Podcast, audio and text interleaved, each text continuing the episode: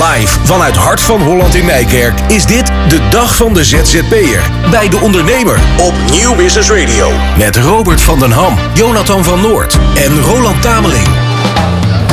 Welkom terug bij de Ondernemer Live. Live vanuit het hart van Holland bij de dag van de ZZP'er. We zijn er nog tot drie uur vanmiddag live op New Business Radio.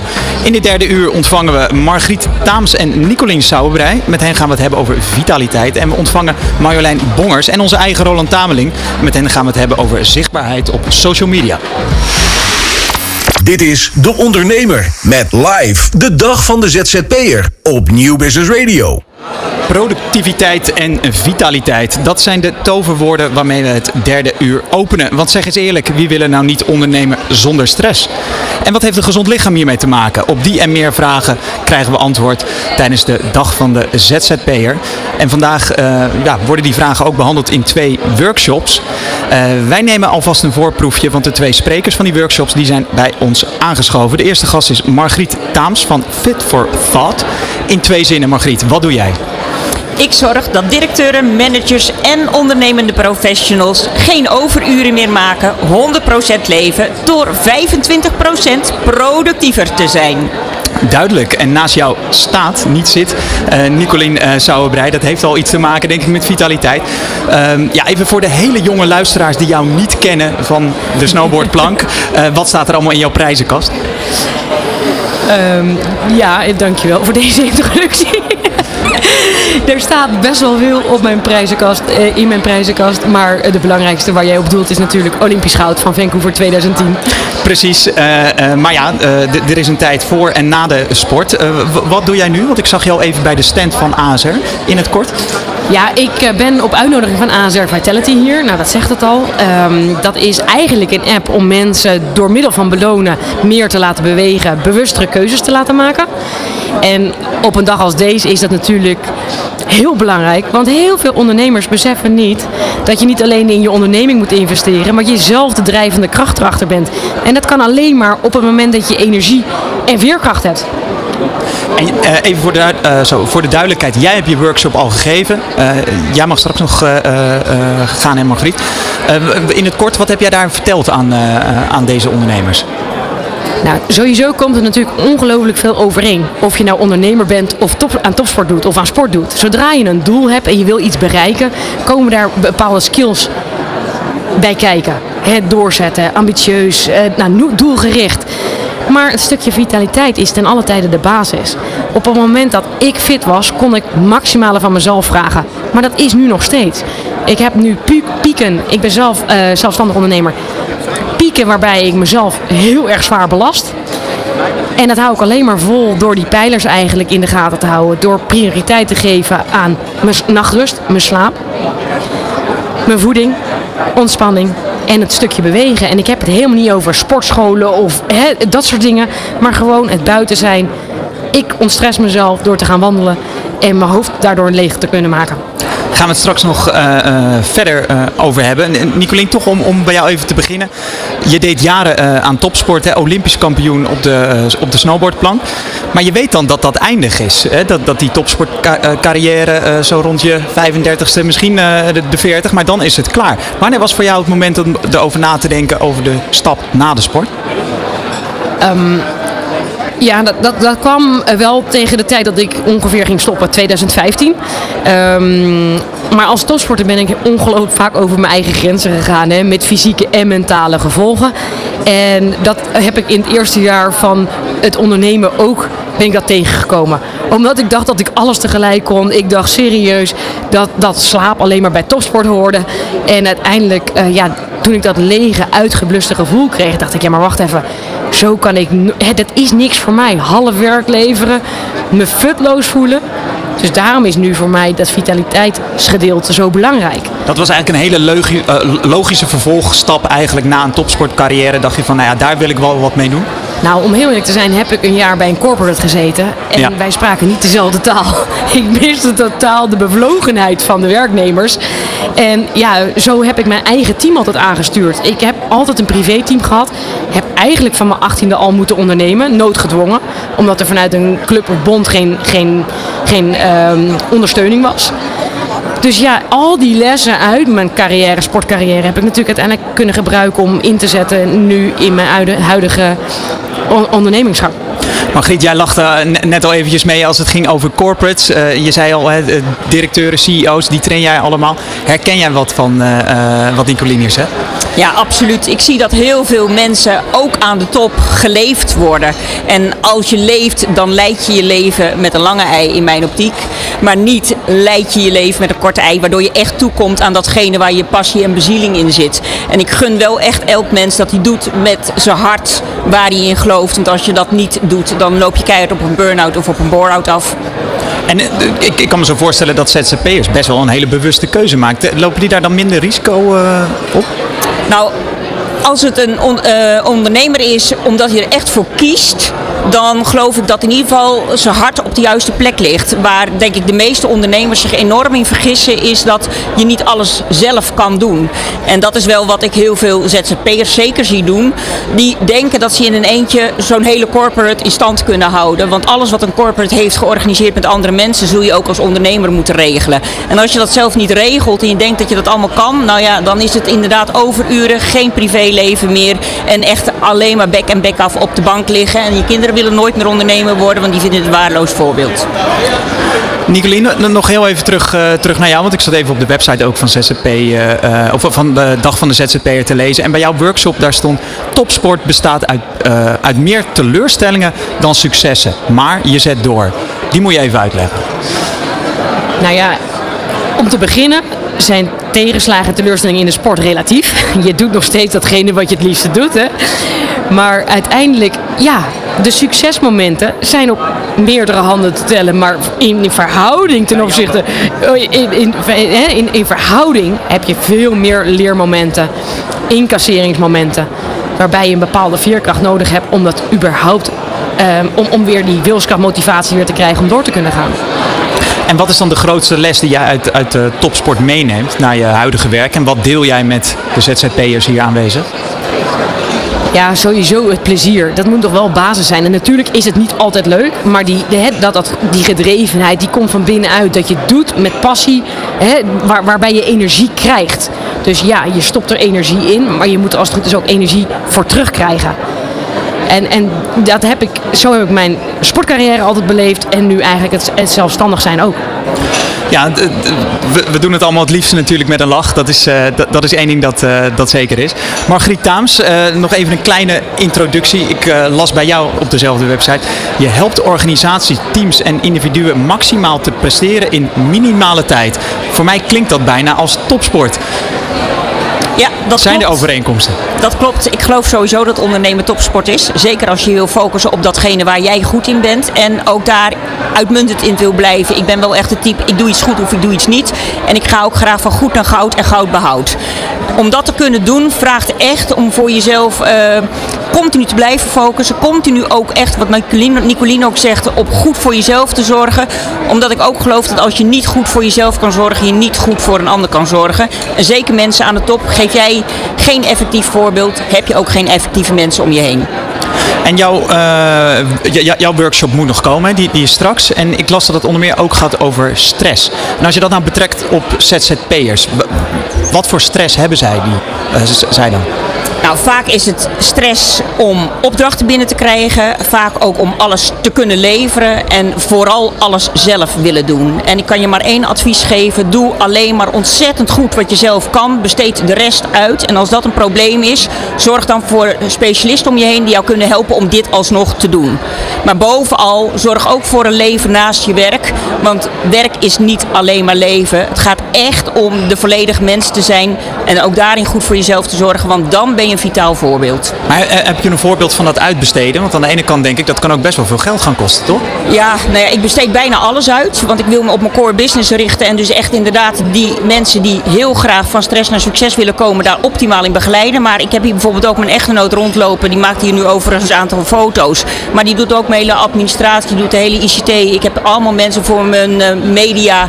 Ik heb specialisten voor mijn ads. Ik heb allemaal specialisten. En ook op sport. Ik zorg dat ik getraind word. Ik zorg dat ik mensen om me heen heb waar ik me ook weer in eh, kan ontwikkelen. Want ik wil ook iedere keer de topper zijn die ik ook andere mensen wil laten zijn. En als ik dat zelf niet doe, hoe kan ik, zij, hoe kan ik hun dan de top laten bereiken en behouden? En hoe, hoe wordt daar nou op, ge- op gereageerd? Want ik kan me ook zo voorstellen dat het in Nederland misschien hè, een beetje Calvinistisch, van oh, dat allemaal uit handen geven, dat kan ik toch ook wel zelf, dan kost het wat minder. Of moeten we zo echt niet denken? Nou, dat lijkt me inderdaad niet handig om zo te denken. En dat is ook letterlijk iets wat ik in mijn masterclass zeg. Ik hou er altijd van, steek alsjeblieft je kop uit het maaiveld. Zie de tractor tenminste aankomen, word je niet plat gereden en je team ook niet. Nou, daarnaast, we vinden het al heel snel dan van doe maar eh, normaal, want dan doen we al gek genoeg. Ik draai het graag om, doe vooral eens gek, dan doen we normaal genoeg. Want we krijgen stress van niet onszelf zijn. Nou, dat zijn wel eh, op, op Wat jij tegen- bedoelt. ja. Er zijn natuurlijk ook kleinere ondernemers hier die net beginnen. Ja, daar kan je niet alles uitbesteden. Dus ergens hè, m, is de basis jijzelf. Dat zeg ik. Dat, je bent zelf de drijvende kracht achter wat je doet. En natuurlijk moet je klein beginnen. Opbouwen is denk ik het meest belangrijk. Dat is een basis naar succes. En natuurlijk staat Margriet op een heel ander level dan misschien heel veel mensen die hier rondlopen. Dus ieder op zijn niveau, denk ik. Als je het maar met passie beleeft. Ik denk dat dat de belangrijkste basis is. En wat je ook aangeeft, Nicolien, zeker kleine ondernemers, kijk dan ook waar je in kan concentreren. Vaak zijn er vrienden, familie die je willen helpen. Ik ben ook begonnen met mensen die me wilden helpen. En daar ben ik zo ontzettend nog steeds dankbaar voor. Ja, want ik heb hem hier ook staan. Wat zijn dan de quick wins? Hè? Waar, waar valt nou snel eh, wat te halen? Dus dat is dan echt gewoon uit je inner circle eh, daar gaan zoeken. Ja, zoek daar de toppers die het je gunnen, die jou willen helpen. En op die manier kun je echt hele mooie dingen bereiken. En dat hoeft niet per se geld te kosten, maar wel aandacht. Besteed ook liefde en aandacht aan die mensen. Doe wat terug. Dus maak een lekkere maaltijd als jij goed kan koken. En als zij je dan willen helpen met wat ads of met wat dingen. En ook een hele goede tip. Ga alsjeblieft bij een goed netwerk. Een goed netwerk is goud waard. Het gaat er niet alleen om wat je kent, maar vooral wie je kent. En heb je daar voorbeelden van? Is dat bijvoorbeeld op LinkedIn of eh, echt eh, fysieke netwerk? LinkedIn is heel handig, maar ik ben zelf bijvoorbeeld lid van BNI, eh, BNI Business Network International. En dat gaat uit van geven loont en dat werkt enorm goed. Want dat zijn mensen die willen elkaar helpen, allemaal verschillende beroepscategorieën. Daar kom je mensen tegen met wie je business kunt drijven, met wie je business kunt doen. En het is ook nog eens een keer super leerzaam. Nicolien, zit jij bij een, eh, bij een netwerk? Ik ben een ander soort ondernemer. Sommige mensen zijn heel erg bewust met alleen maar groei, en winst en presteren. Ehm, ik, ik draai het om. Ik begin bij de basis. En ik kijk vooral naar waar word ik zelf heel gelukkig van. Mensen blij maken. En dan is mijn dag goed. Dus groei is voor mij niet het belangrijkste. Ehm, maar ik wil wel mijn hoofd boven water kunnen houden natuurlijk. Maar daardoor heb ik heel veel in eigen beheer. En ja, ik heb een heel fijn zusje die mij helpt op administratief, eh, administratief vlak. Omdat daar mijn kracht niet ligt. De ASR eh, persoonlijk pensioen gaat me nu helpen om uiteindelijk eh, een stukje zekerheid voor de toekomst te creëren. Want ja, wat je net ook zei, bij ondernemen komt ook heel veel onzekerheid. Dus financiële onzekerheid. Wat Margriet zei, heb ik voldoende opdrachten? En dan kom ik wel weer terug op mijn eigen sport. Niet op de grote voet leven als je het niet hebt. Want hè, als je uitval hebt en je, ja, je moet uiteindelijk zorgen dat je niet gelijk om kan vallen. Dat je niet te grote risico's neemt. Gewoon dat binnen de grenzen dat allemaal is.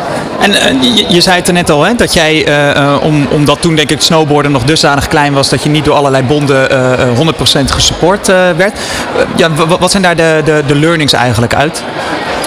ja, eigenlijk alleen maar learnings. Ehm, toevallig had ik het er net met iemand over. Eh, eh, wil je learnings hebben? Ja, natuurlijk. Learnings horen bij jouw groeiproces. Fouten maken is niet erg. Dat komt heel vaak voort uit onzekerheid. Maar door, als je het omdraait en zegt: Ik heb ervan geleerd. Dan wordt het eigenlijk een heel positief iets om steeds hè, van teleurstellingen of fouten je benefits te maken zal je uiteindelijk, uiteindelijk groeien in je eigen ontwikkeling, maar ook als ondernemer. Jij eh, hebt het gehad over, over vitaliteit eh, in je workshop. Als ik voor mezelf mag spreken, hè, eh, dan, dan ga ik een tijdje twee keer per week naar de sportschool. Dan heb ik het druk en dan versloft dat. Eh, jij zegt net al, voor mij is vitaliteit meer dan naar de sportschool gaan. Het is ook even naar buiten. Hoe reageer jij op mij als ik dat zeg? Sterker nog, vitaliteit is voor mij niet naar de sportschool gaan, maar vooral doen wat bij je past. En dan hou je het ook langer vol.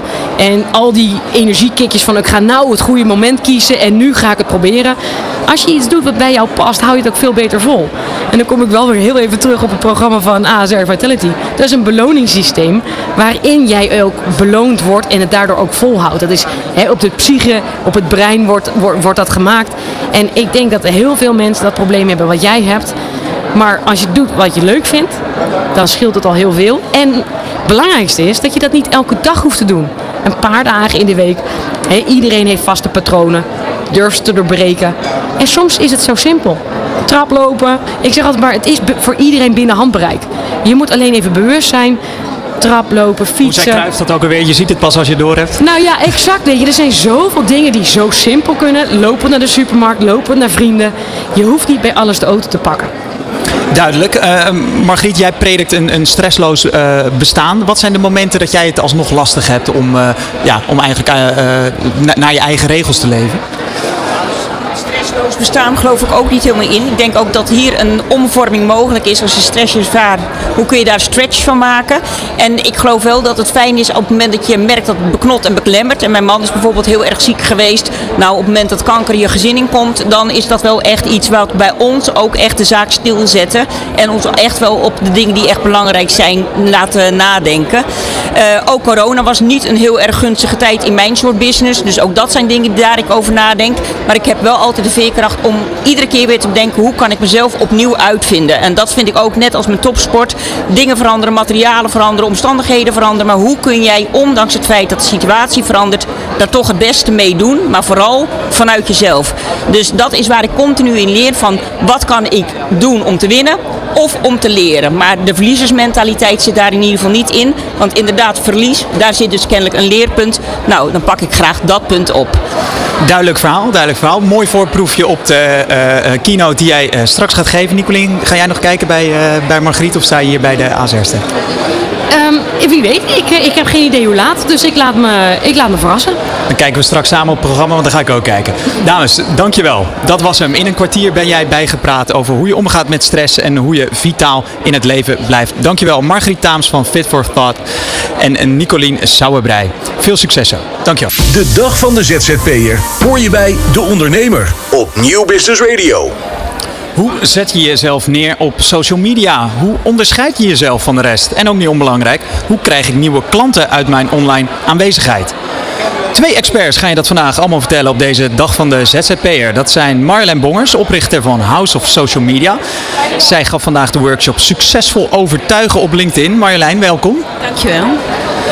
En ook aangeschoven is Roland Tameling. Dit keer niet als radiopresentator, maar als, ja, ik heb het er gewoon zo ingezet, video-expert. Oh. Roland, welkom. Waar ga jij het straks over hebben? Ja, ik ga straks een eh, workshop geven eh, over eh, de wijze waarop je met video je verhaal kunt versterken. Een hoop feest in één zinnetje. En het wordt ook een feestje, want ehm, we, gaan, we gaan uitleggen hoe ik dat al jarenlang doe. En het is eigenlijk veel, simpel, veel simpeler dan de meeste ondernemers denken.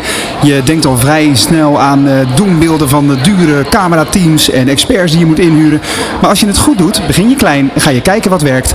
En gebruik je gewoon je, je telefoon die je al in je zak hebt. Want daar is tegenwoordig al een heel goede camera aanwezig. En ehm gaandeweg ga ik de mensen, samen met de mensen in de zaal, eh, gaan we onderzoeken hoe je dat zo effectief mogelijk kunt doen. En daar weet Marjolein nog veel meer van. Maar eh, ik ben vooral van de praktijk. Mooi.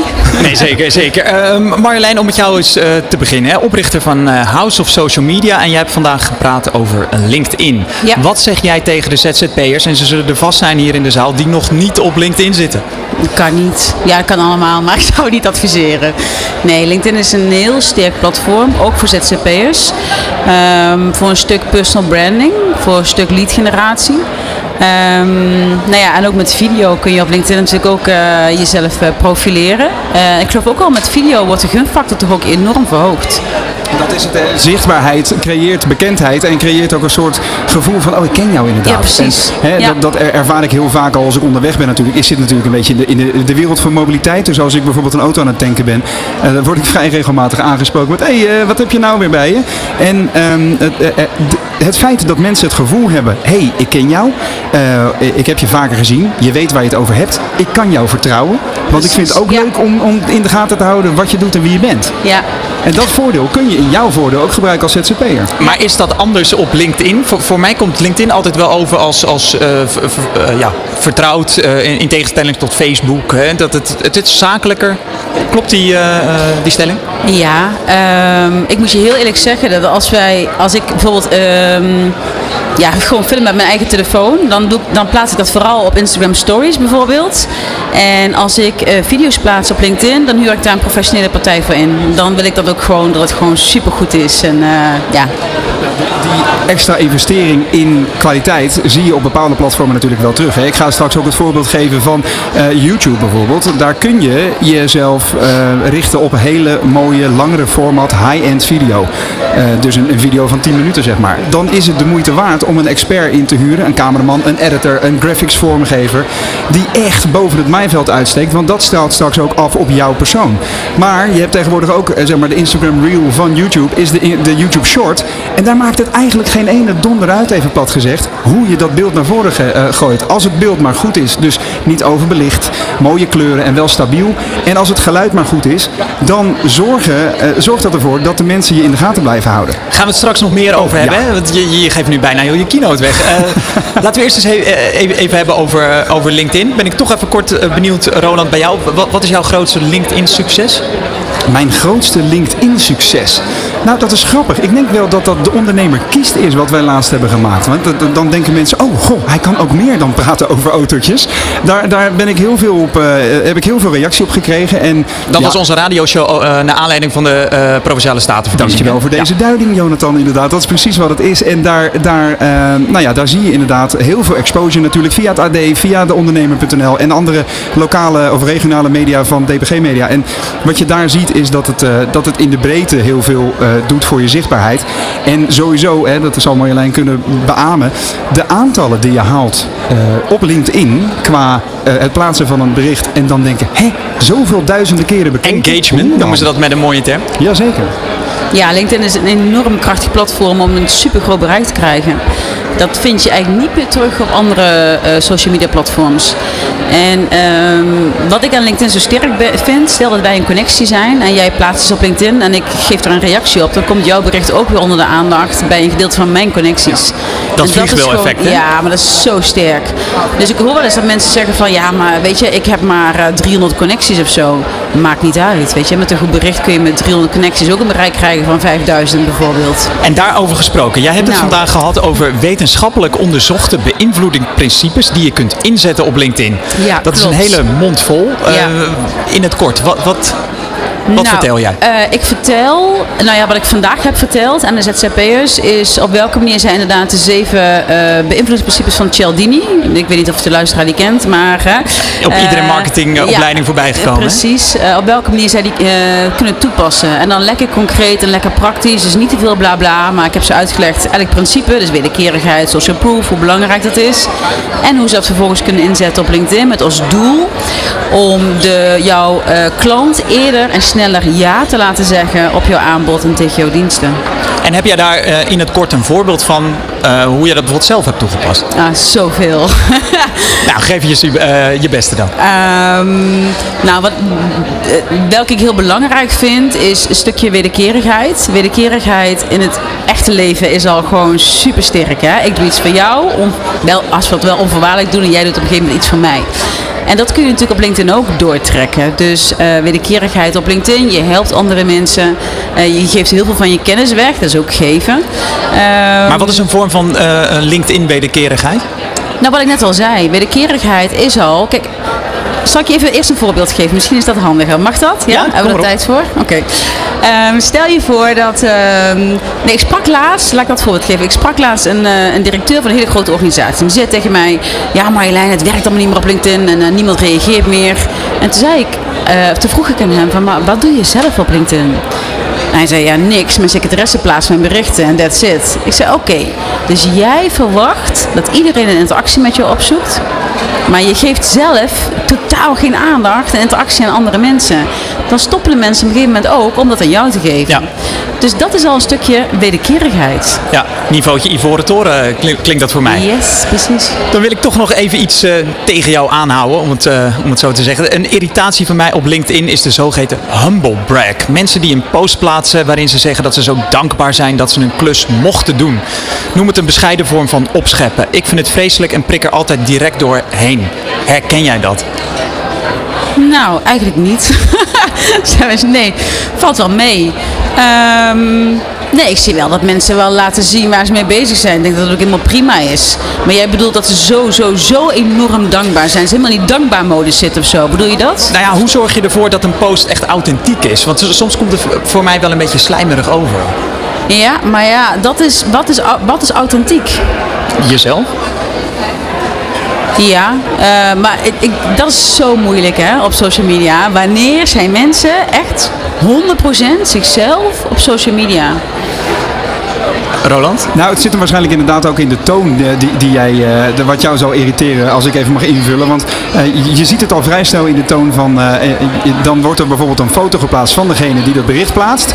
Maar hij begint, of zij begint dan eerst over de andere mensen in het team. Weet je, maar zelf heb ik ook wel eens, dan, dan speel je een beetje met die, je wil niet alleen maar borstkloppen, maar je bent ook verschrikkelijk trots op wat je die dag hebt neergezet met elkaar. Dus ik kan me voorstellen dat, het dan voelt als, als humble bragging. Maar wellicht is het gewoon wel een, een, een, een eerlijke en oprechte eh, blijdschap die die persoon eh, eh, deelt. Maar hoe zou jij dan, hoe zou jij dit zelf doen dan, Jonathan?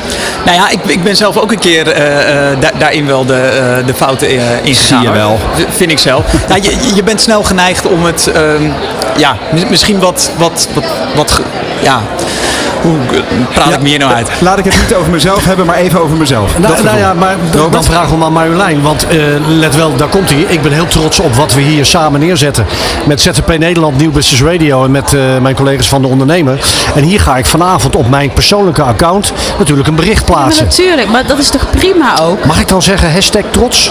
Nou, die hashtag zou ik gewoon lekker achterwege laten. Je mag het wel zeggen, maar laat de idiote hashtag eh, trots gewoon achterwege. Maar Ja. nee, zeker zou ik dat doen. Weet je, je hebt een mooie productie gedraaid, je hebt mensen geïnterviewd. Ik bedoel, wat ik dan nog wel leuk zou vinden. Nee, zal ik je een tip geven? Graag. Wat ik leuk zou vinden als jij zegt, hè, ik ben er trots op. Wat ook leuk is om eh, wat learnings ook nog te delen. Dat mensen er ook nog iets aan hebben. Juist. Dus de belangrijkste tips van mensen die De te gast waren. Ja, ja. Al- ja, al- ja. Als ik dan toch nog heel even tussendoor mag.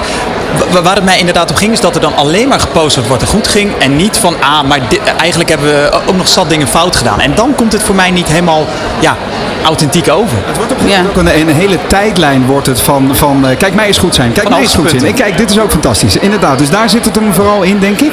Eh, dus een wijze les zou kunnen zijn, deel ook misschien eens een keer de uitdagingen wat meer zie in je gebeuren. Ik zag Ja. gisteren ook een post van een dame, ook een ZZP'er, die zei ik heb gewoon twee opdrachten gemist deze week. En, ze, en dat gaf ze aan, ja kan. Iedereen maakt zijn eigen keuzes daarin, weet je. En het interessante waar ik net no- nog aan zat te denken, alle ZZP'ers hier, die zijn natuurlijk in eerste instantie een privépersoon. Maar als Ja. ik naar mijn eigen situatie kijk, ik heb ook een, een, een bedrijfje natuurlijk. Hè. Ik ben Ja. enerzijds Roland Tameling, aan de andere kant eh, run ik mijn, stuur ik mijn facturen onder Rhodes Multimedia. Mhm. In hoeverre is het zinnig om vanuit je entiteit als bedrijf eh, een eigen account te starten? Nou, dan kun je alleen een company page creëren op LinkedIn. En eh, als je ZZP'er bent, dan eh, ga je succes boeken met je persoonlijk profiel en niet met je company page. Duidelijk. company page heeft veel minder bereik. Ehm, ja, en LinkedIn geeft ook de voorkeur aan verhalen van persoonlijke profielen en dan pas vanuit company pages. Dus Ik, Ja. ik, ik, ik zit toch nog even met die LinkedIn-post die we echt gaan plaatsen vandaag onder Oh, ja. de naam van de ondernemer, maar ook op mijn persoonlijk account. Marlijn, ehm, ga ik jou taggen en iedereen die vandaag in de studio te gast was, ga ik die allemaal taggen? Is dat in mijn voordeel? hoeveel mensen waren dat? Ik denk dat we nu zo'n 15 gasten hebben, studiogasten. Ja, zou ik doen. Ja, allemaal Ja. taggen. Dat zijn er niet 12 te veel, want soms hoor ik wel eens, je mag maximaal drie hashtags en drie tags. Nou, nee. Als jij, als jij al die, ik denk dat het juist leuk Ik zou het leuk vinden als je me tagt. Ik zou het leuk vinden als ik hem, als ik hem voorbij zie komen. Kan ik daar weer op reageren? Ga je delen? Nou, reageren is nog beter dan delen. Ja, maar ja, precies, ik erover. precies, ja. Maar eh, als al die vijf- 15 mensen daarop reageren, moet, dat, eens- moet je eens kijken wat dat met het bereik doet van jouw post. Weet je wat ik, straks ga doen? Ik ga denk ik 150 mensen taggen onder mijn bericht vanavond. Want ik moet nu naar boven toe, want Ja, ja, mijn, ja, eh, mijn dat is mijn keynote gaat beginnen. Dus ik eh, dank je wel Marjolein. Ik spreek je straks nog wel. En ja, graag tot straks. Ja, zeker Roland. Succes. In de tussentijd eh, vult eh, Robert van der Ham, mijn collega, dit radiomoment. Want ik ga eh, op pad de vloer op met eh, Roland. Zeker. Ja, jij neemt eh, de zendermicrofoon mee richting eh, de zaal waar de workshop van Roland gaat plaatsvinden. Inderdaad ook bij hem eh, een uitverkochte zaal. Ruim 150 mensen die naar hem gaan luisteren. Nog even Marjolein, want ik zit met die LinkedIn post die ik natuurlijk ga afronden. Ehm, qua tijdstip, is dat nog relevant? Ja, als jij vanavond denkt om 11 uur van, eh, nou, ik ga me eens posten, dat is natuurlijk niet zo heel erg handig. Ehm, dus eh, wat we zien uit onderzoek is dat de dinsdag, de woensdag en de donderdag dat de beste dagen zijn. Maar ja, we zitten nu in het weekend, dus Ja. ik zou dan gaan, als ik jou zou zijn, zou ik nu gaan voor eh, morgen vroeg om half elf, 11 uur. Oké, Ja. oké, oké. Want stel nou dat ik hem wel vanavond om 11 uur plaats en ik krijg dan weinig reacties, dan ben ik meteen onvindbaar en onzichtbaar. Ja, LinkedIn Ja. kijkt in de eerste anderhalve twee uur wat jouw post doet. Dus krijg jij in de eerste anderhalve twee uur weinig reacties, ja, dan zie je dat, eh, ja, dat je bereik gewoon eh, blijft steken. Ja. Dus dat is wel heel belangrijk om te kijken naar een goed tijdstip. Heel goed, goed om te weten. Laatste vraag nog even van jou, want je zei het net even in een, eh, een tussenzin. Ehm, je privéaccount of je bedrijfsaccount. We hebben hier allemaal ZZP'ers, zelfstandigen lopen die waarschijnlijk ook een LinkedIn-account met hun bedrijfje hebben. Adviseer je dat juist om uit elkaar te houden? Of zeg je gebruik ze allebei? Of ga je juist alleen voor je privéaccount? Nou, je, je kunt een, een company page, een bedrijfsaccount kun je wel creëren. Dat zul je dan ook bij moeten houden. Maar dat is dan een basis. Maar ik zou voor 99% focussen op je persoonlijk profiel. Daar ga je gewoon eh, ja, leads mee genereren. Oké. Marjolein, dankjewel voor deze LinkedIn-tips. Ja, We weten je te vinden en ik ga je taggen van eh, morgenochtend dus. Ja, doe maar morgen. Oké, we gaan eens kijken hoe het aan de wandel is met eh, collega Jonathan van Noort en Roland Tameling. Die op weg zijn naar de workshop. Ja, zeker. En Robert, inmiddels lopen wij eh, eh, de ruimte binnen. Ik wou zeggen het zaaltje. Nee, het is geen zaaltje. Het is een, het is een ruimte waarin eh, Roland zijn presentatie gaat houden. Roland, eh, ik zie een, eh, eh, een desk. Er zitten al wat mensen in de zaal. Eh, hoe voel je? Ja, het is warm hier, man. Dat had ik even niet ge- ge- ingecalculeerd. Dus ik denk dat ik zo mijn jasje uit ga doen, want we gaan er flink tegenaan hier. Ik heb er heel veel zin in. Het, het is een eer sowieso om voor die 150 mensen mijn verhaal te mogen doen. En mijn verhaal is vooral eentje van eh, het vooral doen. De afgelopen 15, 20 jaar ben ik in de mediawereld eh, actief geweest en heb ik eigenlijk alle kansen gepakt. En dat ga ik de mensen hier ook meegeven. Dus ik heb er zin in. Mooi. Roland, bereid jij je even voor. Dan ga ik eens even kijken bij de mensen hier in de zaal. Ik zie hier drie mensen zitten die ik even ga onderbreken. Eh, meneer, u zit hier bij de eh, workshop eh, video maken van Roland Tameling. Wat verwacht u hier? Oh, nou, ik zit eigenlijk in de verkeerde zaal, want ik moet zo, zo meteen naar de nieuwe zaal. Want dit is niet het verhaal wat ik nu wilde horen. Dus ik ga, ik ga verhuizen. Ik heb hier net een ander eh, verhaal. Dan ga ik vooral even naar iemand die, eh, die wel voor, Ro- eh, voor Roland eh, Tameling komt. Roland, wat wil je eigenlijk tegen deze meneer zeggen die zegt van... eh, ja, ik sla hem even over. Ik ken die gozer helemaal niet. Wat doet hij hier? Ja, het- is net de wis- wisseling van de wacht geweest natuurlijk. Dus mensen die, eh, ehm, die, die wisselen nu ook van, eh, van positie. En ik heb het grote, de grote uitdaging dat ik precies tegenover Martin sta. Eh, dus die, die staat natuurlijk beneden in de grote zaal. En wij staan in de, in de bijna zo'n grote zaal.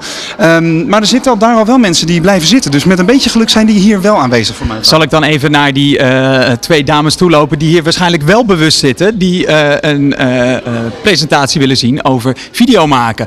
Wie ben jij, wat doe jij en waarom zit jij hier? Eh, ik ben Maaike en eh, mijn bedrijf is Maaike's Live Painting. Dus ik schilder live op bruiloft en evenementen. Ehm, ja, en ik ben heel benieuwd wat, wat film daarin kan betekenen eigenlijk. Eh, ja, er wordt natuurlijk gewoon veel tegenwoordig met film ook laten zien van iemands bedrijf. En ik denk dat juist als kunstenaar kan je natuurlijk veel laten zien, maar ik doe daar nog niks mee. Ja, want dat was eigenlijk mijn, mijn vervolgvraag. Maak je nu al wel eens filmpjes, stories bijvoorbeeld? Bijna niet. Nee. En wat houd je tegen? Ehm, gewoon ook weinig ervaring. Of ik heb het wel eens een beetje geprobeerd en dan ben je wat aan het knutselen en dan moet je het ook nog eens een keer uitwerken. Dus ja, Ja, volgens mij is de kern van eh, de presentatie van Roland gewoon doen. Dus eh, ja, vanavond gewoon al eh, aan de slag. Eh, jouw buurvrouw eh, naast je, wie ben jij en waarom zit jij hier? Ik ben Manuela van der Pol en ik ben virtual assistant, maar daarnaast ook energetisch coach. Dus ik werk zowel zakelijk als met mensen. Ik heb ooit al wel een filmpje gemaakt voor social media, maar dat is echt nog een gevecht eigenlijk. Wat vond je het allerlastigste eraan? Mezelf zien op beeld. dus ja, ik heb het wel een paar keer geprobeerd, maar dan toch het resultaat denk ik van, ik vind het nog heel spannend. En wat hoop je hier nu eh, eh, te horen, te leren? Dat ik het een soort van ja, inspiratie om het toch, ja, die drempel over te gaan om het toch te doen. Het lijkt me wel heel leuk. Misschien ook de bevestiging van hè, het hoeft allemaal niet zo gelikt. En, en wees gewoon jezelf en dat vinden mensen eigenlijk alleen maar leuk. Dat klopt, ja. Ik ben ook wel een perfectionist, dus, dus dat mag een beetje loslaten. Zeker, zeker. Dan ga ik even kijken. eh, een andere dame die hier eh, is komen zitten. Wie ben jij en eh, waarom zit je hier? Eh, nou, ik, dat wil ik niet. Oké, dan ga ik naar, eh, naar iemand anders toe. Mevrouw, wat hoopt u hier eh, eh, te leren? Ehm, ik hoop hier iets meer te leren over, eh, over vloggen. Ehm, ik heb het nog nooit gedaan en ik weet ook niet of ik het ga doen. Maar ik vind het wel erg interessant omdat ik eh, wel het gevoel heb dat ik eh, nog op zoek ben naar een, naar een communicatiekanaal. En ik hou eerlijk gezegd niet zo van eh, die hele snelle sociale media. Dus ik, ik hoop hier meer te leren van hoe kun je nou je boodschap op een goede manier brengen. Nou, dat moet zeker gaan, eh, zeker gaan lukken. Ik ga nog heel eventjes toe naar Roland, want hij staat op het moment eh, van beginnen. Roland, laatste woorden voordat we naar de studio gaan. Ja, wens me sterkte, Jonathan. Nee, nee, nee, dit, gaat, hartstikke goed komen. Ik zie een hoop, eh, hoop benieuwde gezichten vooral in de zaal ook. Het mag nog wel wat voller, zie ik her en der. Ik zie nog wat lege, wat lege flanken, maar dat gaat helemaal voor elkaar komen. En eh, nou ja, de- deze mensen zitten nu nog op onze stoelen, maar dat gaat niet lang meer duren, want we gaan zelf ook in actie komen. Je hoort het. Roland, hartstikke veel succes en terug naar de studio. De dag van de ZZP'er hoor je bij De Ondernemer op Nieuw Business Radio. En dan nu een heel ander onderwerp dan video en social media. Boekhouden. Misschien maar weinig zelfstandigen beleven de lol aan, maar ja, iedereen moet het doen. Hoe kun je het dus zo eenvoudig en vooral leuk maken voor jezelf? Daarover spreken we met Thomas Fles, CEO van boekhoudprogramma Tello. Hi, dankjewel. Leuk dat ik hier mag zijn. Welkom. Eh, ja, Thomas, voor- voor de mensen die jou niet kennen. Je hebt ook een heleboel gedaan buiten Tello. In het kort. Ja, nee, ik ben eh, zelf eh, na, een, eh, een paar jaar advies geven gaan ondernemen. En dat beviel eigenlijk goed. Eerst zelf advies geven als ZZP'er. Vervolgens mijn eerste echte bedrijf gestart. Dat was Poepycat. Dat is net zo grappig als het klinkt. Dus wij verkochten kattenproducten en dat is een beetje uit de hand gelopen. Dus dat is in vijf jaar tijd gegroeid naar, naar 30 landen en hebben we uiteindelijk ook verkocht. En ja, toen we de smaak goed verpakken en daarna eigenlijk nooit meer teruggegaan naar, naar een loonverband. Eh, ja, van alles gedaan. Ehm, maar nu hou je bezig met boekhouden. Waarom? Is dit geboren uit frustratie? Eh, het is niet geboren uit frustratie. De, overigens is dat wel een beetje de rode draad in mijn carrière. Dat als ik zelf iets echt enorm kut vind, dat ik dan vervolgens daar een eh, bedrijf op ga bouwen. Dat, de kattenbakken kwamen er oorspronkelijk ook vandaan. En ik heb ook nog een keer een, een start-up gehad eh, wat te maken had met huwelijken plannen. Nou, dan kan je hem ook wel aanvoelen. Dus nee, boekhouden had ook een andere, andere vorm. Maar het is vooral ook iets waar we mensen echt mee kunnen helpen. En we zien ook op een dag als vandaag dat er eh, nog veel te winnen valt voor, eh, voor ZZP'ers. En noodzakelijk kwaad zou ik het bijna. eh, Ja, ja, we staan hier, de mensen zien het natuurlijk niet, maar achter ons staat ook de stand van de Belastingdienst. Dus eh, makkelijker kunnen we het niet maken en leuker ook niet, maar het is wel... eh, Moeilijker iets- ja, moeilijker wel. Ja, ja, ja, ja. En wat is nou de, de meest gemaakte fout eh, als het aankomt op boekhouden? Ja, wat we, wat we vandaag eigenlijk zien is, we, we kunnen het een beetje in twee kampen opsluiten. Dus je hebt mensen die, eh, die nog niet digitaal boekhouden. Ik denk dat dat eigenlijk de eerste stap is. Als je dus nog geen software gebruikt, even los van het feit of je nou wel of geen Gebruikt, eh, is het gebruik van software gewoon vele malen makkelijker. Eh, weet je, je scant je bonnetje in, daarna kan je hem weggooien. Het, is gewoon, het leven wordt veel beter. Eh, dus als je dat nog niet doet, dan is dat eigenlijk de eerste stap. Maar daarnaast hebben mensen ook nog vaak gewoon één rekening waar ze zaken in privé door elkaar laten lopen. Ze stellen het nog steeds uit tot echt het einde van de mogelijke periode en zijn vaak te laat dus met het indienen of met het betalen. Wat ook niet handig is voor de kans op controle. Dus we zien dat daar een beetje de, de zaken in zitten in de omgang die, die wel beter kunnen. En hoe helpt Tello dan, jouw bedrijf? Ja, ja, ik wil je niet nu schaamteloos een eigen merk gaan verkopen. Maar als je de vraag stelt. eh, nee, wij doen, de, wij, wij doen eigenlijk nemen alles van je over. Dus eh, we beginnen natuurlijk met verkopen. Dus waarin je factuur eigenlijk binnenkrijgt. Dus wij zorgen ervoor dat je ja, echt in de hand omdraaien een factuur kan maken. Je kan ook hele mooie templates gebruiken daarvoor met je logo erop. Ehm, als het over kosten gaat, natuurlijk, als je het geld verdient, dan wil je het daarna uit gaan geven. Nou, dat, eh, daar hebben wij een eh, scanner voor. Dus dan kan je een bonnetje gewoon scannen en dan lezen wij hem automatisch uit. En in ongeveer 80% van de gevallen kan onze AI al inschatten wat het is en het ook al wegboeken voor je. Dus wij kunnen ook al raden of het een eh, representatiekost is of een inkoop. Dus dat is eigenlijk ook heel erg interessant. En ja, daarnaast we koppelen met alle Nederlandse banken. We zijn zelf ook bankrekening aan het uitgeven. Dus je kan bij ons ook al een gratis ZZP bankrekening aanvragen. Eh, en de belasting, eh, belastingen. Dus zowel BTW als IB doen wij geïntegreerd met de Belastingdienst. En ja, toch iets wat, wat- ik aan jou wil vragen. Kijk, ehm, ik snap dat het hartstikke makkelijk is, zo'n online eh, systeem. Maar ik kan me ook wel voorstellen, en dan ben ik niet eens zo heel oud en dan wil ik het eigenlijk niet eens aan leeftijd koppelen. Maar dat een ouderwetse boekhouder, dat dat ook wel prettig is. Dat je dat lekker uit handen geeft, geen omkijken meer naar. Waarom dan toch eh, eh, gebruik maken van een online boekhoudsysteem? Ja, je, het is, eh, ik bedoel, ik ga je niet verkondigen dat het niet makkelijker is om iemand voor iedereen voor te hebben. Ik zou liever thuis ook een chef hebben, maar het kost natuurlijk allemaal geld. En dat is natuurlijk het punt wat je vaak, vaak ziet, is dat, dat het hebben van een boekhouder gewoon vele malen duurder is dan het gebruik van de software en het dus deels zelf doen. En is, is dat bij ZZP'ers ook, denk je, het geval? Dat dat misschien minder bonnetjes, minder papierwerk is, dat- dan een eh, online systeem eigenlijk de uitkomst is? Nou, het is bij ZZP'ers heel grappig om te zien dat het wel, er zit heel veel verschil tussen in wat je doet. Dus je hebt ZZP'ers die sturen één keer per maand een factuur of je hebt ZZP'ers met een webshop die hebben er duizenden. Er zit gewoon echt een wereld van verschil tussen. Eh, en dat zou dus ook bij een boekhouder een enorm verschil maken in, eh, in kosten.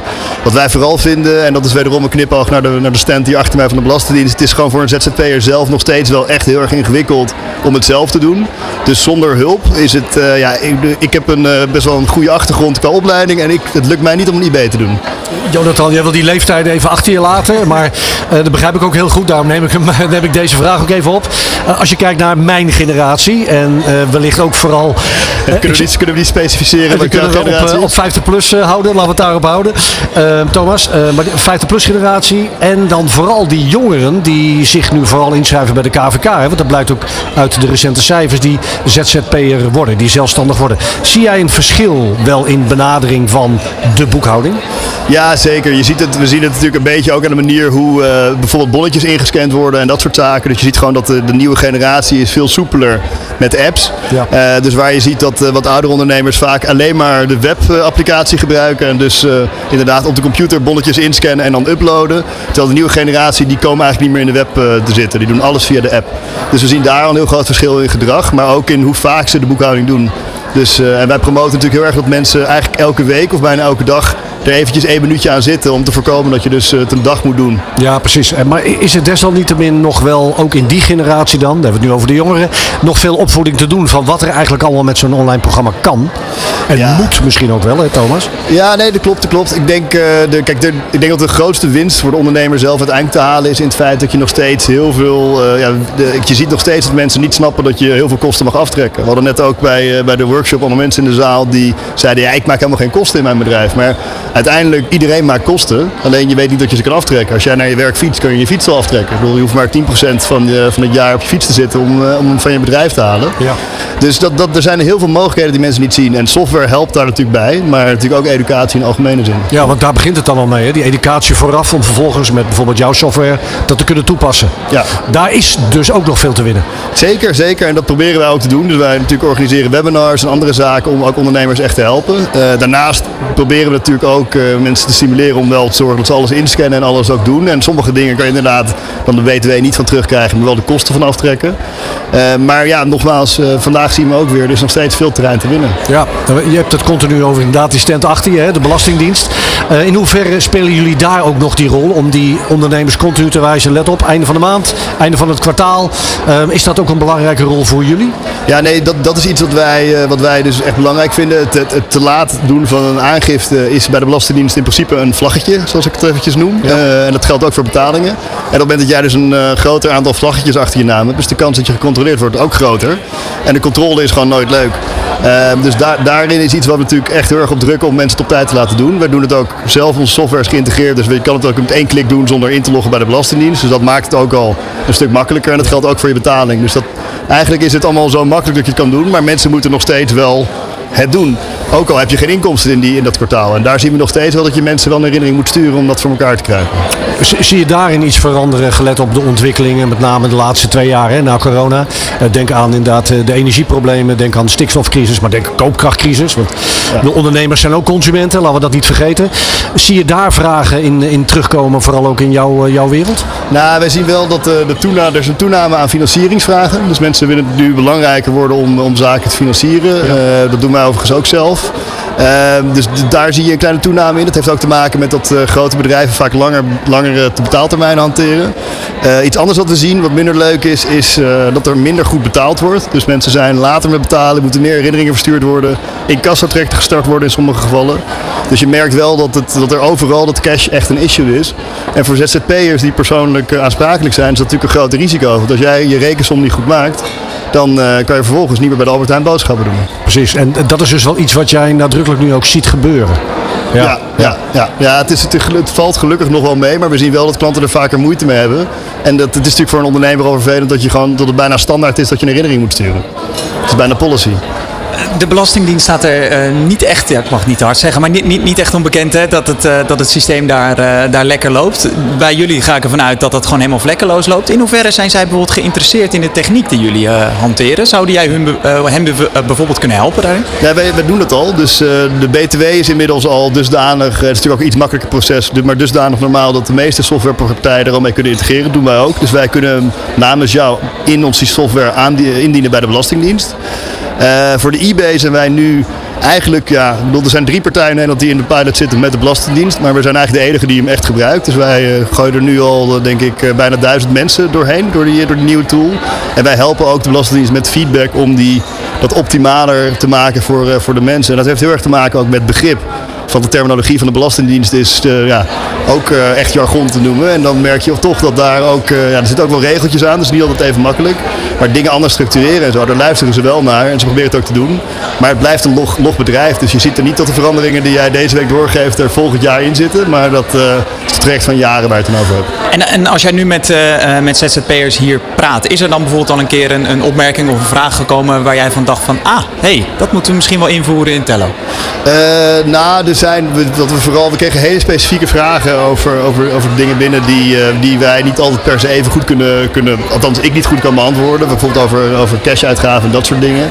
Eh, dus eh, ja, dat geeft wel een beetje moed. Dat we, hebben wel boekhouders in dienst, maar die zijn niet voor alle pakketten toegankelijk. Maar dat we dus vaker wel interactieve webinars moeten doen waar mensen gewoon vragen kunnen stellen. Want wat je vandaag ziet is dat eh, eigenlijk de workshop vol zat, omdat mensen gewoon heel erg graag iets willen vragen waar we heel makkelijk een antwoord op kunnen geven. En op die manier mensen helpen is iets wat we graag vaker willen doen. Dus dat kan een heel sterk online boekhoudsysteem zijn, maar ik wil toch nog die mens aan de lijn dan ook hè, en zien. Ja. Dat, wer- dat, dat is generatievrij. Dat maakt niet uit of je jongere bent of eh, die 50-plussen. Nou, dat heeft altijd een beetje in ons bloed gezeten. Ja. Dus je hebt ook boekhoudpakketten die, eh, die gewoon eigenlijk eh, zeg maar, qua software vooral zich daarop focussen. En dat je dan alleen per e-mail support kan vragen. Wij geloven wel dat het voor mensen, het is best wel iets belangrijks en ook best wel iets engs.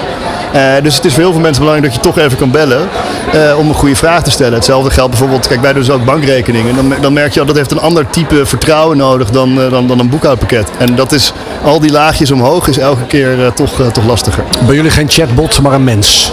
We gebruiken geen chatbots, alleen maar mensen. En het is op dit moment natuurlijk, zoals je kan voorstellen, ook, ook erg druk met de Precies. belastingperiode. Ja, en dat blijft dus ook zo. Hè? Je blijft wel voor, ondanks het online pakket, voor die menselijke kant. Ja, nee, kiezen. zeker, zeker. Ja. En het Ja. is, eh, zeg maar, de, de boekhouders zitten wel in, eh, in een wat hoger pakket. Dus als je echt een, eh, dus een regelmatig vraag aan de boekhouder wil stellen, dat kan. Maar dan, dan daar hebben we een speciaal pakket voor ontwikkeld. En dan kan je tussen 9 uur s ochtends en 9 uur s avonds ook nog met een boekhouder praten. Als we kijken naar het concurrentieveld, eh, Thomas, want er, er zijn natuurlijk meer in, eh, in jouw wereld. De techniek ontwikkelt zich waanzinnig snel. Ik kan me ook voorstellen dat je een keer afvraagt, ja, waar, leggen we de grens qua onze service? Of het bieden van informatie, het bieden van content ook online. In hoeverre, en dan even met je ondernemerspet op, houdt dat je bezig? Ja, het is, het is bij ons het is heel vaak keuzes maken. Hè. Dus het is, wij zijn eigenlijk een software, denk ik, die uniek is in Nederland, omdat we heel erg op de gebruiker gefocust zijn. Dus wij zijn echt op de ZZP'er gefocust. Dus alles is voor hun echt perfect. Maar bijvoorbeeld voor boekhouders, wat, wat een secundaire klant van ons is, zo mag je het zeggen, want heel veel van onze klanten hebben een boekhouder. Daar is onze software minder gebruiksvriendelijk voor. En daar merken we nu wel dat je keuzes moet gaan maken. Oké, gaan we dan ook maar iets, iets leuker maken voor de boekhouders? Of gaan we het iets leuker maken voor een bepaald segment? Weet je, iedereen heeft een beetje zijn eigen wensen. En dat is af en toe wel, eh, wel moeilijk kiezen. Helder. Thomas Fles, CEO van boekhoudprogramma Tello. En ik zie, je hebt ze een paar keer aangesproken, de mensen van de Belastingdienst achter je kijken. En volgens mij word je bij deze uitgenodigd voor een kop koffie om daar eens even goed over door te delibereren. Ja, over al dit. Ja, precies. Dankjewel voor je komst, eh, Dankjewel. Thomas. Dit is De Ondernemer met live de dag van de ZZP'er op Nieuw Business Radio.